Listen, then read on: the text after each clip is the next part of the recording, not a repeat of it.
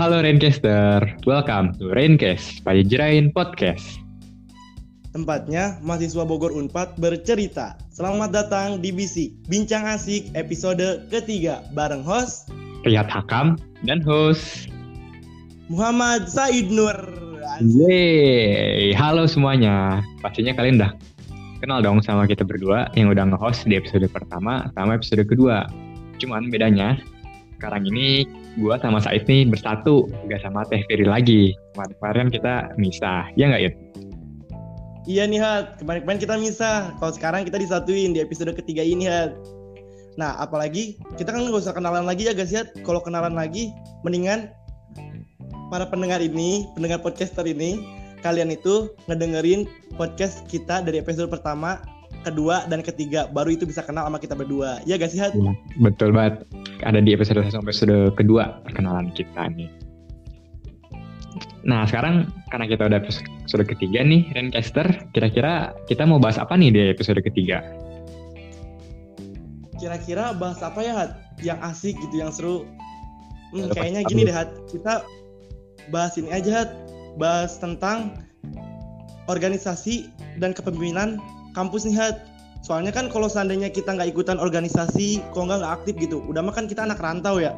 Kalau seandainya kita nggak aktif, asa gabut banget gak sih di kosan gitu diem aja. Iya, kan kalau ikutan, iya bener gak sih? Kalau ikutan ya, organisasi bener. kan kita jadi nambah wawasan, nambah teman, relasi gitu. Iya bener banget It. Kebetulan gue juga mau aktif nih di semester-semester berikutnya buat ikut organisasi sama kepanitiaan. Cuman gue masih rada bingung gitu soal bagi waktunya sama hal-hal lainnya lah it lah. Jangan kan lu hat, gue juga sama bingung banget. Pasti ya. Kayak manajemen waktunya tuh kayak kita masih belum bisa gitu. Belum bisa ngatur yang baiknya kayak gimana gitu. Iya benar. Ya udahlah hat, kan kita kepo nih ya. Gas aja lah hat. Eh bentar lu it. Kan lu maba, gue juga maba. Kita kan sama-sama min minim pengalaman kalau kita berdua ngobrol nggak ngasilin apa-apa dong. Oh, oh bener asli bener banget. Kira-kira ya, ada kita ngobrol dua anak. Ya kira-kira ada gak nih bintang tamunya kita hari ini? Ada lah. Kita tuh bakalan hadirin bintang tamu yang sudah berpengalaman banget gitu hat dalam bidang or dalam organisasi dan kepanitiaan gitu. Nah, kita tuh bakal ngobrol sama kating kita nih hat yang pastinya udah berpengalaman sama organisasi dan kepanitiaan yaitu Kang Farel. Tanpa basa-basi lagi, kita sudah terkoneksi sama Kang Farel nih, Hat.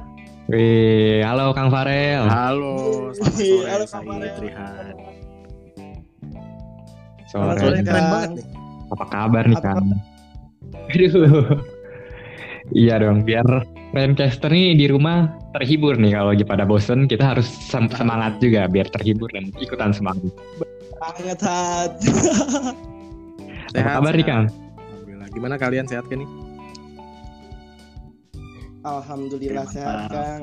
Alhamdulillah lah sehat juga Kang. Hmm. Mungkin langkah pertama-tama nih biar lebih kenal lagi mungkin Kang Farel bisa perkenalkan diri dulu nih Kang supaya Remcaster nih pada kenal nih sama Akang. Siapa tahu nih nanti pas offline Akang para calon maba-maba atau kenal duluan sama Akang. Akang jadi famous lah istilahnya mah anjay. Bener banget. Langsung terkenal gitu Kang. Kan mantep gitu ya. Pansos nih. bener bener. Bener. Mangga Kang. Oke, perkenalin ya uh, teman-teman apa namanya? Raincaster ya? Iya.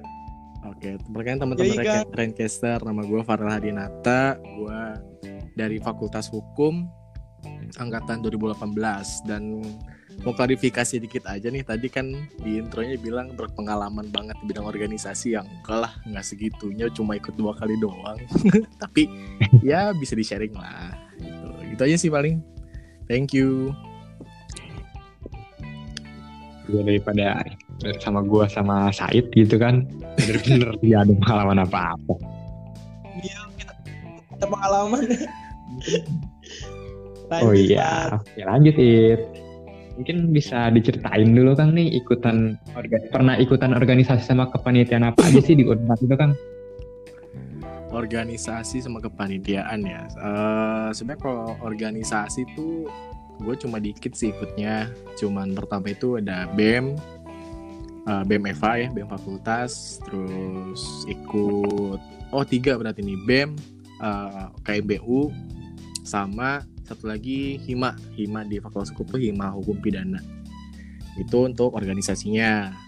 Nah, tapi kalau kepanitiaannya sebenarnya agak banyak juga sih. Uh, lebih banyak di fakultas mungkin ya kayak ada inaugurasi, terus ada Olimpik. Olimpik tuh acara jenis kayak uh, apa ya? Turnamen olahraga gitulah di Fakultas Hukum untuk fakultas hukum uh, untuk Fakultas Hukum di Indonesia gitu. Ini Olimpik. Terus ikut juga ada KMHN atau Konferensi Mahasiswa Hukum Nasional ada juga aksara ceria. Nah, aksara ceria ini lumayan menarik sih. Ini itu kayak uh, komunitas belajar bagi teman-teman uh, eh, SD gitu yang ada di sekitar Jatinangor. Kita belajar bareng uh, untuk ya sama-sama senang-senang ya uh, sambil belajar gitu. Nah, sisanya sih masih banyak lagi ya sebenarnya panitia-panitiaan yang lain. Cuman agak lupa juga gitu. Kayaknya nggak bisa gue sebutin di podcast ini. Cuma ya gitulah. Lumayan mungkin Mungkin Mantap kalau yang kan? lagi aktif Saking sekarang banyak. apakah organisasinya atau kepanitiaannya? Oh, ya. Sekarang sih uh, lagi ini nih kebetulan lagi ada mana jadi uh, kabit juga di BEM uh, BMFA terus ikut kepanitiaan apa ya Himapi juga Himapi Dana itu ada LKTI LKTI itu ini lomba karya tulis gitu. Uh, sama apa lagi ya? Udah sih paling sama ini sih jadi supervisornya Pajajaran ini nih. Yes, yang keren ini. Yeah, keren ya. Banyak. Ya, banyak banget ya banyak banget pikirin aja udah. Anjir iya. kepala gue itu pusing emang pusing gitulah teman-teman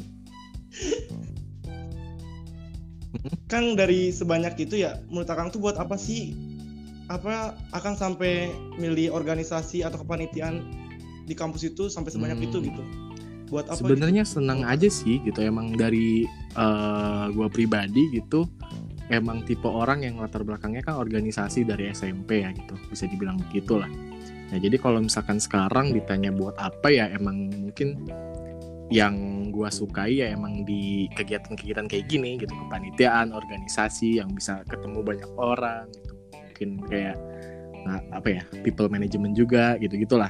Jadi kayak kalau misalkan bagi gue sih kenapa gue ikut kepanitiaan atau organisasi ya untuk uh, ya jadi sebagai mainan lah. Kalau misalkan orang-orang mungkin mainannya mungkin kayak nongkrong ke mall atau mungkin ada yang traveling. Nah gue ya di kepanitiaan organi atau organisasi inilah gitu. Gitu sih. Hobi gitu ya kan ya? Nggak hobi sih cuma kayak senang aja ketemu teman-teman terus kayak biasanya kalau di kepanitiaan sama organisasi itu kan kita nggak cuma kerja doang gitu uh, eat hat jadi kita tuh di kepanitiaan organisasi juga kan bakal bonding juga tuh bakal ngobrol-ngobrol sharing-sharing main-main nah, itu tuh kita apa ya kayak jadi tempat untuk cari teman baru aja gitu sih hmm, bener sih kang hmm tapi kalau dari SMP nih kira-kira janjian SMA-nya ketua OSIS nih ya Kang? Iya Pak.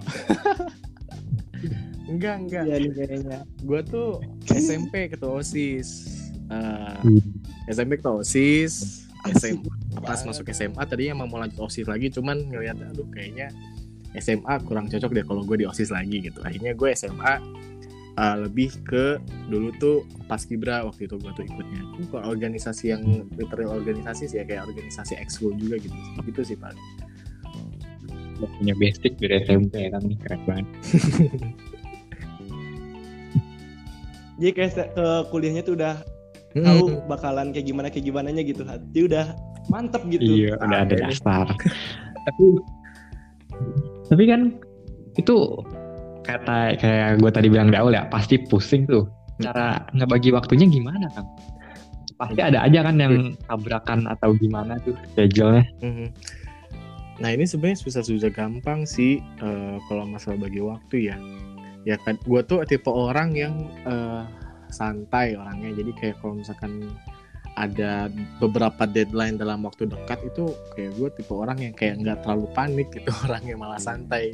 Jadi kayak ya walaupun ada banyak deadline ya gue tetap kerjain satu-satu gitu. Kira-kira yang yang mudah uh, bisa dikerjakan duluan ya. Aku kerjain duluan. Atau misalkan nanti kalau misalkan ada uh, waktu-waktu yang mentok nih antara organisasi kuliah sama kepanitiaan ya itu kita harus filter sih kira-kira mana yang lebih mana yang penting mana yang genting gitu teman-teman. Jadi kayak kalau misalkan mungkin ya emang di antara tiga atau empat atau sekian organisasi yang semuanya penting tapi di antara semua ini pasti bakal ada yang genting gitu loh. Yang kira-kira kita tuh benar-benar dibutuhkan tuh di mana? Apakah di kuliahan atau misalkan apakah di uh, organisasi satu atau dua atau tiga atau yang lain gitu. Kita cari aja yang kira-kira yang tanggung jawab terbesar kita tuh ada di ada di mana? Ya itu kita prioritasin makanya selama ini ya yang jadi prioritas gue sih tetap di kuliah gitu jadi kalau misalkan ada halang-halang organisasi atau kepanitiaan lain ya kalau ada kuliah yang mendesak ya pasti gue kesampingkan gitu intinya dilihatnya dari itu sih dari apa ya dari mana yang paling genting bukan mana yang paling penting karena kalau penting pasti semuanya penting gitu Iya, mantep banget Tika. So banget gue ngomong ya. Gak apa-apa. Udah berpengalaman mau bebas. berat, berat, berat, berat, berat. Nah, kan dari mm -hmm. apa? Dari sebanyak itu ya, mm -hmm. kan pernah keteteran gitu, keteteran, keteteran dalam ngurusin itu tuh mm -hmm. apa ngikutin organisasi atau kepanitiaan gitu kan? Pernah sih pernah pernah. Ya itu. Uh, ya, pernah nih pas tahun 2019 itu tuh gue ikut banyak banget. Bukan banyak ya gue ikut organisasi sebagai bem ikut bem juga waktu itu. Uh, jadi staff di salah satu departemen yang emang kerjaannya tuh hektik banget emang padat banget gitu kan. Nah di samping itu juga gue karena mungkin gue masuk bem dan biasanya orang bem itu suka ditarik suka ditarik tarikin gitu loh kepanitiaan kayak eh rel bantu gue yuk jadi kadif ini. Eh rel bantuin gue yuk jadi ini jadi itu gitu. Nah kebetulan tahun 2019 itu gue tuh jadi staff di BM staff kastrat. Jadi itu tuh emang tugasnya berat-berat banget lah gitu kayak bikin kajian dan lain-lain. Tapi di satu sisi juga gue ambil tiga ambil berapa kepanitiaan ya ada lalu ada pajajarin Aksara Ceria, KMHN, sama EFUM ada empat, berarti ada empat kepanitiaan dan empat-empatnya ini gue ada di posisi yang lumayan strategis gitu. Jadi kayak bener-bener kayak gue tuh otak gue diporsir sana sini, kayak tugas BEM beres langsung dapat sama tugas uh, aksara ceria terus aksara ceria apa yang yang satu beres dapat lagi acara pajajaran gitu kan beres gitu kan beres juga habis itu ada KMHN juga gitu kan. Lu pusing lah pokoknya. Jadi kayak eh, nggak uh, nggak ada waktu luang sama sekali di tahun 2019 itu sampai bikin kayak terdesak lah gitu waktu gue untuk istirahat dan lain-lain. Gitu sih paling pernah veteran empat kepanitiaan sama BEM sekaligus. Mm -hmm. bayangin kalau kita sekarang ya. Sebenarnya itu nggak terlalu banyak sih ya kalau misalkan dibandingin sama teman-teman gue yang lain gitu teman-teman gue yang lain tuh di Eva tuh bisa ada bisa ada ambil 10 kepanitiaan satu organisasi gitu kan. Ada yang tujuh ada yang mungkin di atas 10 gitu. Tapi uh, apa ya mungkin mereka lebih expert kali ya cara pembagian waktu dibanding gue gitu. Cuma kalau gue pribadi sih ada empat kepanitiaan dan satu organisasi ini menurut gue berat banget sih. Karena kebetulan emang empat kepanitiaan ini juga emang posisinya tuh pimpinan semua gitu. Jadi kayak aduh pusing lah pokoknya tapi ya uh, dinikmati aja. Jalan ujung-ujungnya. Aja tapi berarti saat kalau online gini kan Asli. lebih terbantu gak sih? Buat ikut banyak panitiaan buat online. Terbantu gimana itu maksudnya?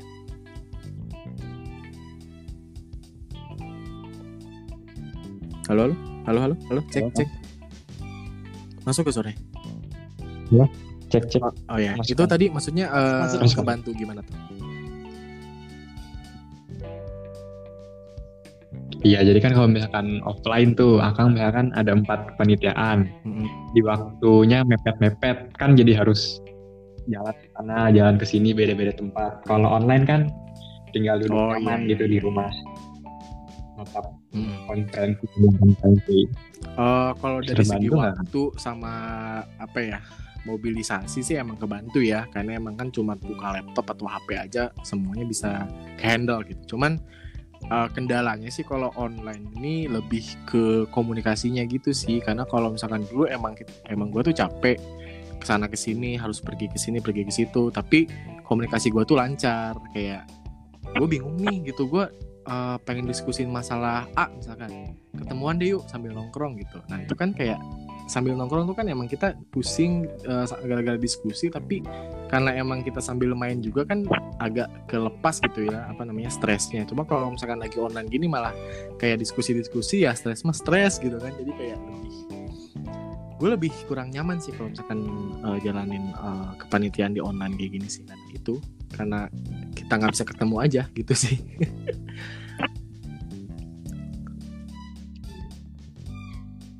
Iya. kayak bener. pusing ya kita kelamaan Kayak di lu rumah juga. juga, Kang kayak Hmm, kayak lu juga di Pajajaran gini lebih capek di nggak rumah ketemu gak sih orang Iya. beberapa minggu suntuk kan ya? Suntuk banget kan? Iya bener. suntuk Oh, iya. banget Kang Iya kan situasi. Gitu tapi ya. apa daya gitu situasi yang membuat kita ini sedang Gitu cuy. karena makhluk sosial kita ya harus Iya bertemu gitu. ya. Sosial emang.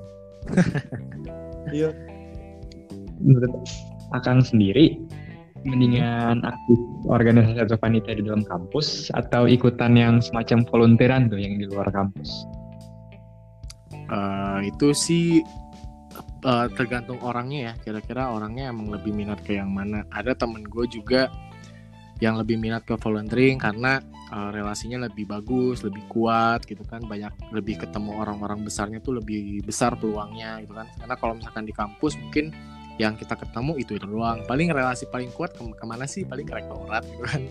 Paling ke MWA atau ke mana gitu kan kalau misalnya kalau misalkan di acara fakultas atau misalkan fakultas lain gitu. Cuma kalau volunteering kan emang dia benar-benar kayak dari eh, umum kan ada yang udah kerja, ada yang masih SMA, mungkin ada yang pernah ada yang kuliah juga, gitu ada yang mungkin profesional dan lain-lain itu tuh kayak bisa ketemu semua di volunteering dan jadi bisa ngebangun relasi yang lebih kuat gitu sih kalau volunteering. Cuma kalau misalkan gue sih karena apa ya? eh, karena gue pribadi itu mungkin gak ada target ke volunteering kali ya. Jadi kayak gue lebih lebih sering di fakultas aja, lebih di internal kampus aja sih kalau misalkan gue kepanitiaannya. Sempat pengen ikut waktu itu volunteering acara apa gitu di Bogor, cuman nggak jadi karena ya itu males bikin motivation letter. karena kalau di fakultas tuh kayak cuman tarik-tarikan doang kan gitu. Gitu sih kalau gue. Motivation letter gimana maksudnya Kang? Iya, Ilmu jadi- ilmu. Jadi kalau fakul uh, volunteering itu Sih, kebanyakan yang gue tahu ya, kalau yang gue tahu yang pernah gue tanya-tanya gitu, dia tuh nggak sembarangan kan, karena kan kalau volunteering itu kan pasti banyak, lebih banyak dari fakultas kan yang daftarnya gitu. Semua orang pasti banyak yang daftar, apalagi kalau misalkan ada iming-iming kayak per hari kas- ada ada ininya nih, ada honornya nih gitu kan, tuh pasti rame banget gitu. Nah makanya jadi di beberapa volunteering itu ada yang harus uh, bikin motivation letter kayak untuk apa sih lu ikut volunteering ini? Gitu. Karena mereka juga pasti nggak memilih orang yang sembarangan. Tapi banyak juga ada volunteering yang mungkin nggak uh, nggak nyuruh kita buat ngasih motivation letter gitu ya. Tapi kayak ya itu setahu gue sih. Hmm, Mm-mm. boleh banget. Oh. Kalau akan sendiri nih ya, Mhm. lebih prioritas kuliah atau organisasi. Terus lebih pentingin IPK, mempertahankan IPK nih atau lebih ke soft skill gitu. Soalnya banyak gak sih yang ngomong gitu. Apa IPK mah sekarang udah nggak terlalu dilihat gitu. Soft skill aja yang dikuatin. Terus ada yang ngomong IPK juga harus tinggi gitu. Nah, menurut Akang sendiri menarik kayak sih gimana tuh, Kang? menarik menarik Eh, kalau bagi gue ya kalau ditanya paling penting pasti kuliah paling penting gitu kan bagi gue pribadi karena emang dari keluarga gue pun mengajarkan ke guanya bahwa ya pendidikan itu nomor satu gitu loh. Tapi gue juga nggak bukan berarti gue menganggap soft skill ini kurang penting gitu. Soft skill juga penting. Cuman gini menariknya itu di diri seorang Farel nih ya gitu. Kayak kemarin tuh gue tahun 2020 sempat vakum. Vakum dari segala organisasi sama kepanitiaan karena kan di 2019 kan gue tadi cerita juga kan sempet hektik banget gitu mepet keteteran dan lain-lain. Nah akhirnya gue memutuskan tahun 2020 ini gue mau vakum. Ah gue mau fokus kuliah aja dah gue pengen naikin IPK gitu. Gue tadinya itu IPK gue kayak cuman 3,2an ke atas lah gitu tuh. Gue pengen naikin kayak 3,3 atau 3,4 kalau bisa gitu kan misalkan A semua gitu tapi mungkin karena gue kebiasa sama deadline kebiasa sama uh, apa ya adanya target-target dan lain-lain kayak jadi gue malah kemarin tuh vakum bukannya gue lebih serius kuliah tapi malah gue malah mager gitu loh. Kayak gue malah lebih kayak leha-leha kayak hidup gue tuh nggak ada motivasinya nggak ada uh, ambisinya gitu. Kayak gue kuliah ya kuliah gitu. Tapi abis itu gue udah lah tidur lagi gitu. Sedangkan kalau pas gue tahun 2019 kemarin pas gue lagi banyak banyak kerjaan gitu malah IPK gue tuh stabil gitu loh. Naik bisa, dibilang naik lah gitu dibanding uh, semester sebelumnya. Nah ternyata pas kemarin itu gue ada pembagian IPK ini emang agak aib sih ya cuman nggak apa-apa lah gue kasih sebagai sebagai itu juga mungkin inspirasi juga apa ya motivasi juga lah gitu. IPK gue tuh di semester kemarin dan 2020 ini turun gitu. Turun nggak banyak sih cuman ya turun gitu. Nah gue tuh aja kayak ngambil uh, kesimpulan gini gitu gue nih gue tuh kalau misalkan hidup gue tanpa organisasi tanpa kepanitiaan tanpa kesibukan mungkin gue bakal jadi kayak begini nih gitu. Kayak gue nggak ada ambisi sama sekali gue nggak punya target terus gue kayak kayak hidupnya tuh kayak no life gitu. Wah parah deh gue bukannya malah progres di kuliah malah gue malah regress di segala aspek. Dari soft skill gue regress dari akademis juga gue regress gitu kan. Gue ngerasain gitu tapi nggak tahu orang lainnya gitu. jadi kayak kalau gue sih tipe orang yang harus saling beriringan antara si akademik eh, sama antara si kuliah sama si soft skill ini gitu sama organisasi ini gitu. Supaya di saat gua apa ya uh, mungkin di akademik gua di kuliah di asa nah kayak soft skill gue untuk kayak nyari ambisi nyari motivasi dan lain itu gue harus dicarinya tuh di organisasi. Makanya gue tuh harus berdiri itu. Tapi kalau misalkan tadi ditanyanya mana yang lebih penting uh, kuliah pendidikan tuh lebih penting. Tapi kalau masalah IPK itu harus tinggi apa enggak gue nggak setuju gitu. Karena ya banyak kok dosen di Unpad yang susah ngasih nilai. Ya enggak ya kita buka-bukaan aja lah gitu. Kayak kita paham nih materi ini kita paham mata kuliah ini gitu. Tapi ujung-ujungnya kita kok dikasihnya C dikasihnya D atau B gitu misalkan ya. Tapi kita tuh paham gitu terus tapi akhirnya kita dapat IPK yang uh, kurang memuaskan aja gitu. Tapi kan sebenarnya itu nggak nggak mencerminkan pengetahuan kita pemahaman kita dan lain gitu loh. Menurut gua kayak jangan kalau misalkan IPK lu kurang memuaskan ya jangan inilah jangan menghakimi diri lu sendiri gitu. Jadi ya ambil aja sisi positif yang misalkan kayak mungkin soft skill lu lebih bagus karena mungkin teman-teman gue juga ada yang IPK-nya di bawah tiga tapi dia bisnisnya jago dia politiknya jago dan lain-lain lah gitu. Gitu sih. Panjang banget gue ya ngomongnya. Ih, gak apa-apa kan jadi bikin Kurang kawasan ya. kita meluas gitu. Jadi bikin banget mm. Karena kita juga masih termotivasi iya nggak itu iya, iya. iya. Iya jadi termotivasi nah, kalau gitu kan sama Rihat kuliahnya buat uh, gimana aktif nih apakah gitu. uh, kuliah terus atau misalkan ada di isi-isi yang lain gimana nih? Kalau misalkan kalian. Lu dulu lah itu bebas. Lu dulu kalau dulu ya siapa dulu? Hat, lu dulu apa gua? Lu dulu ah. gua dulu, lu dulu. gua. ya kalau saya sendiri sih Kang, ya kuliah karena mungkin baru perpindahan dari SMA ke kuliah itu berat ya kalau menurut saya sendiri Kang ya. Soalnya dari pertama yeah. cara ngajar seorang gurunya kan beda Kang ya. Terus waktu belajar juga kan beda. Udah mah kita keadaan kayak gini gitu online. Jadi kayak kaget kaget kaget banget sih. Kaget kaget banget dengan dosen tuh hanya menurut saya dosen tuh kayak banyak rata-rata tuh pada ngasih tugas-tugas dan tugasnya tuh yang bikin hmm, kagetnya tuh kayak yeah, yeah, deadline-nya yeah, tuh kayak deket-deketan gitu. Kaget banget gitu kan sampai wah kayak gini ya kuliah tuh? gitu. Sampai kaget. Karena emang yang pertama bikin tingnya tuh karena di rumah doang ya kan nggak bisa ke mana-mana. Mungkin kalau seandainya kita offline gitu kita bisa apa sih bisa ketemu temen bisa belajar belajar bareng sambil ngopi kalau nggak apa Iya, gitu iya. kan jadi nggak kebawa pusing atau stres gitu kan. Nah, ah, apa kadang sinyal juga hilang kan jadi kayak parah sih lah.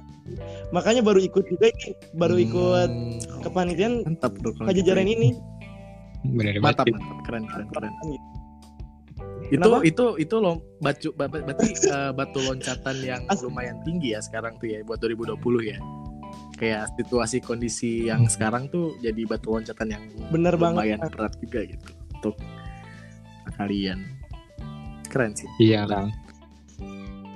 Kayak tadi kan. berat banget kalau Rihat gimana Rihat tapi mau gimana lagi gitu Ya kurang lebih sama kayak Said. Nama juga makhluk sosial ya. Kalau pas tra- transisi dari SMA nih pulang sekolah mau lanjut ke mana nih? Kalau sekarang mau lanjut di Zoom apa di Google Meet nih? Iya. Pilihannya dua gitu mau lancar apa ngelek nih Pilihannya dua. apa tidur? iya aduh tidur iya benar benar benar Iya Kang dari Oh iya, mungkin pertanyaan ini mah dari gua nih gua penasaran nih pertanyaan dari gua. Mm. Ada nggak sih Kang apa ya? Bisa ceritain gak sih momen-momen yang bener-bener membekas banget gitu selama perjalanan Kang berorganisasi? Salah satu aja Kang yang bener-bener membekas, bet. Ada nggak Kang? Oh, ada ada jadi gue itu waktu itu ikut ini uh, kegiatan di FH namanya Fakultas Hukum Unpad Mengabdi. Buat mungkin buat temen. Eh kalian tuh ada yang FH gak sih di nggak deh Nggak ada Kang. oh nggak ada. Eh selalu Tapi nanya lu deh Said dari mana Said? Enggak kang. Gak apa-apa. Oh Mapet. Kalau lihat oh Said dari Fakultas Dari Peternakan FP. kang. Oh gak ada yang sosum ya? Papet oke gue dikorek di sini. Oke lanjut ya. Nih jadi di FH itu Lanjut, lanjut. ada kepanitiaan namanya FHUM jadi Iya, ya, apa Fakultas Hukum Unpad Mengabdi. Jadi acara itu kita eh, seminggu kita eh, nginep di de- salah satu desa yang mungkin kita anggap perlu dilakukan pembangunan gitu di situ. Nah jadi kita tuh kayak acara pengabdian gitulah si FHUM ini. Nah ini tuh dilaksanain tahun 2019 itu pas lagi liburan semester kita tuh semua eh, ngabdi di desa Cihauk di Kabupaten Bandung. Itu tuh desa posisinya tuh kayak bener-bener kayak di kaki gunung. Kaki gunung apa di gunung ya? Gue nggak tahu. Pokoknya dingin banget dah. Jadi tuh kalau di desa Ci- Cihauk ini ya udah mah aksesnya susah banget gitu kan. Jauh banget dari kota di atas gunung jalan-jalannya pada jelek gitu kan Eh, terus kalau setiap pagi itu bangun tidur lu pasti langsung disambut sama suasana dingin 12 derajat celcius. Bayangin lu pagi-pagi. Tulang itu dulu dinginnya Naik Bromo itu. iya, dinginnya sampai ke tulang gitu setiap pagi bangun. Nah kita tuh di situ seminggu. It eh, Han. Wah, seminggu kita tuh ngelakuin, peng- ngelakuin pengabdian. Kita tuh ngelakuin ada kita tuh ngajar-ngajar siswa SD di sana terus kita ngasih penyuluhan ke siswa SMA yang mau masuk kuliah gitu kan. Terus kita juga ngelakuin pembangunan-pembangunan yang bisa berkelanjutan. Waktu itu, waktu itu tahunan gue tuh ngebangun ini adanya bank sampah. Jadi waktu itu emang di Cihauk itu masih minim banget namanya pembuangan sampah. Jadi sampah itu masih kayak kurang tertata lah. Kayak masih belum terkumpul di satu tempat. Nah jadi kita tuh bikin bank sampah di sana. Nah jadi ya kenapa berbekas banget di sana? Karena itu sih karena pengabdian ya. Mungkin pada saat di sana gue ngerasa aduh capek banget gue pengen pulang lah gitu. Tapi eh apa ya bener kata orang sih karena kalau misalkan kita ngasih manfaat ke orang lain itu maka manfaat yang kita dapat juga pasti bakal lebih banyak gitu. Misalkan di sana tuh gue ngajar anak SD yang kalau gue masuk itu udah bau ingus, terus kayak eh, aduh ini, ini sensitif sih, sorry banget nih, Boy. dikat aja tapi Nggak apa-apa nggak ya. ceplosan gue. ya apa-apa. Ya kayak gue masuk tuh kayak anak-anaknya lagi pada eh, pokoknya eh, anak kecil anak SD gitu gimana sih? Gue tuh kebagian dapat kelas 2 SD di mana kelas gue itu kebagian yang barbar yang barbar banget lah. Kayak setiap hari tuh pasti ada satu orang yang belan eh dua orang yang berantem cowoknya gitu.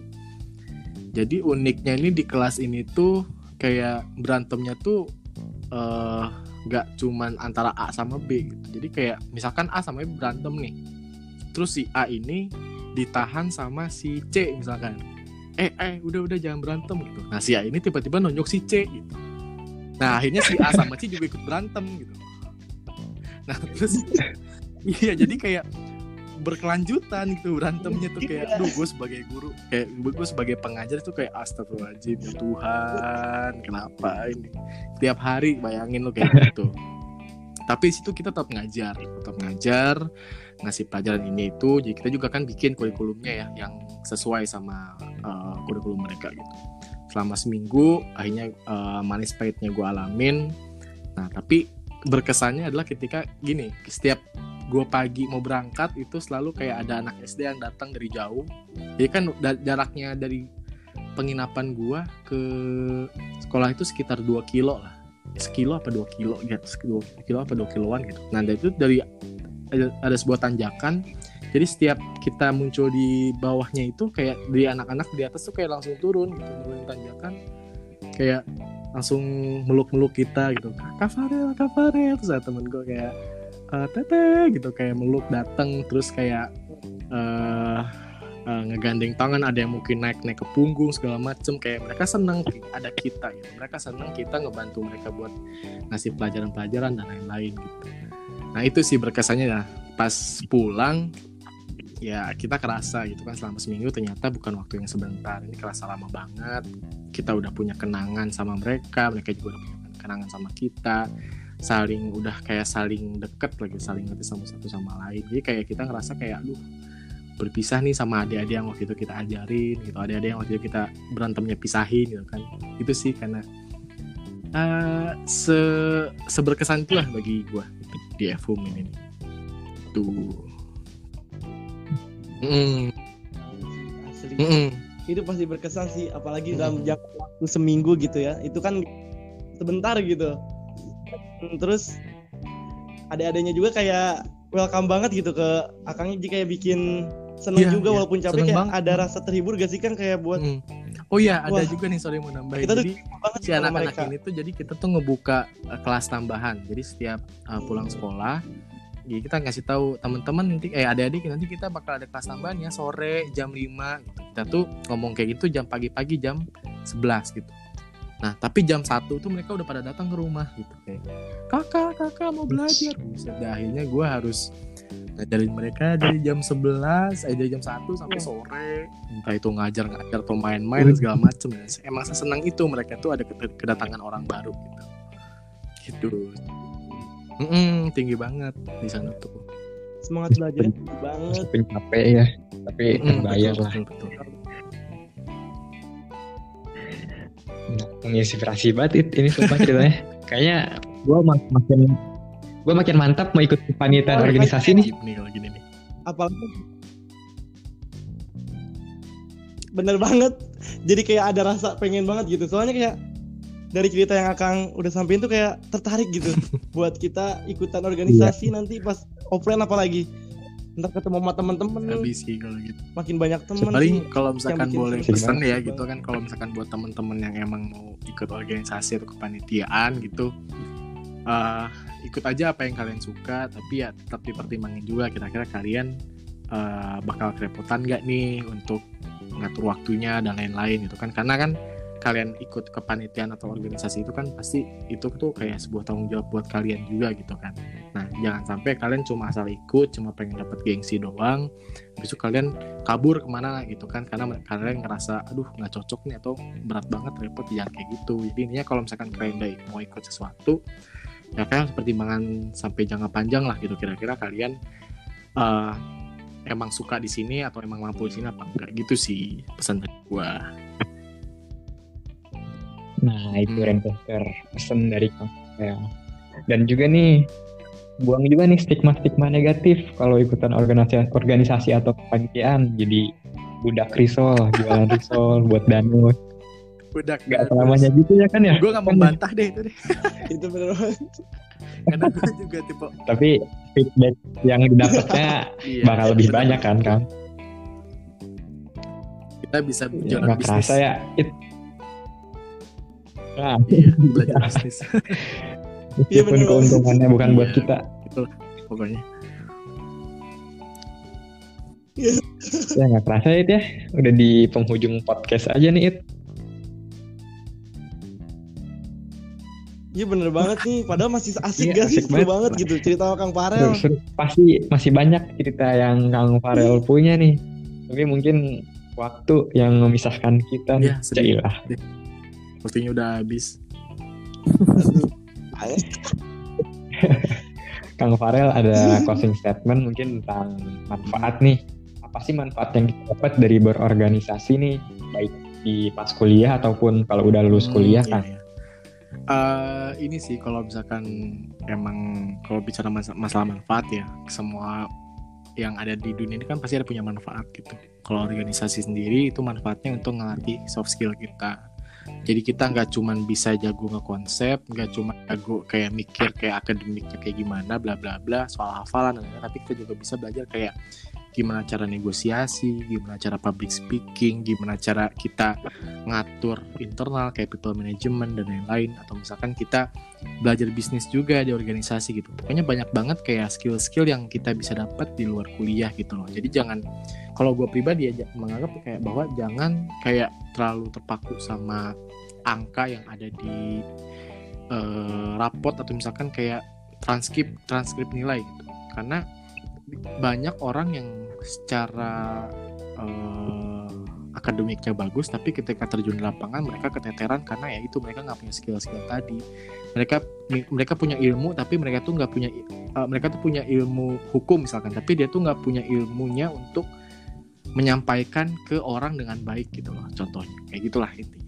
Jadi si organisasi ini manfaatnya ya untuk mengembangkan si soft skill tadi gitu supaya balance antara soft skill sama hard skill gitu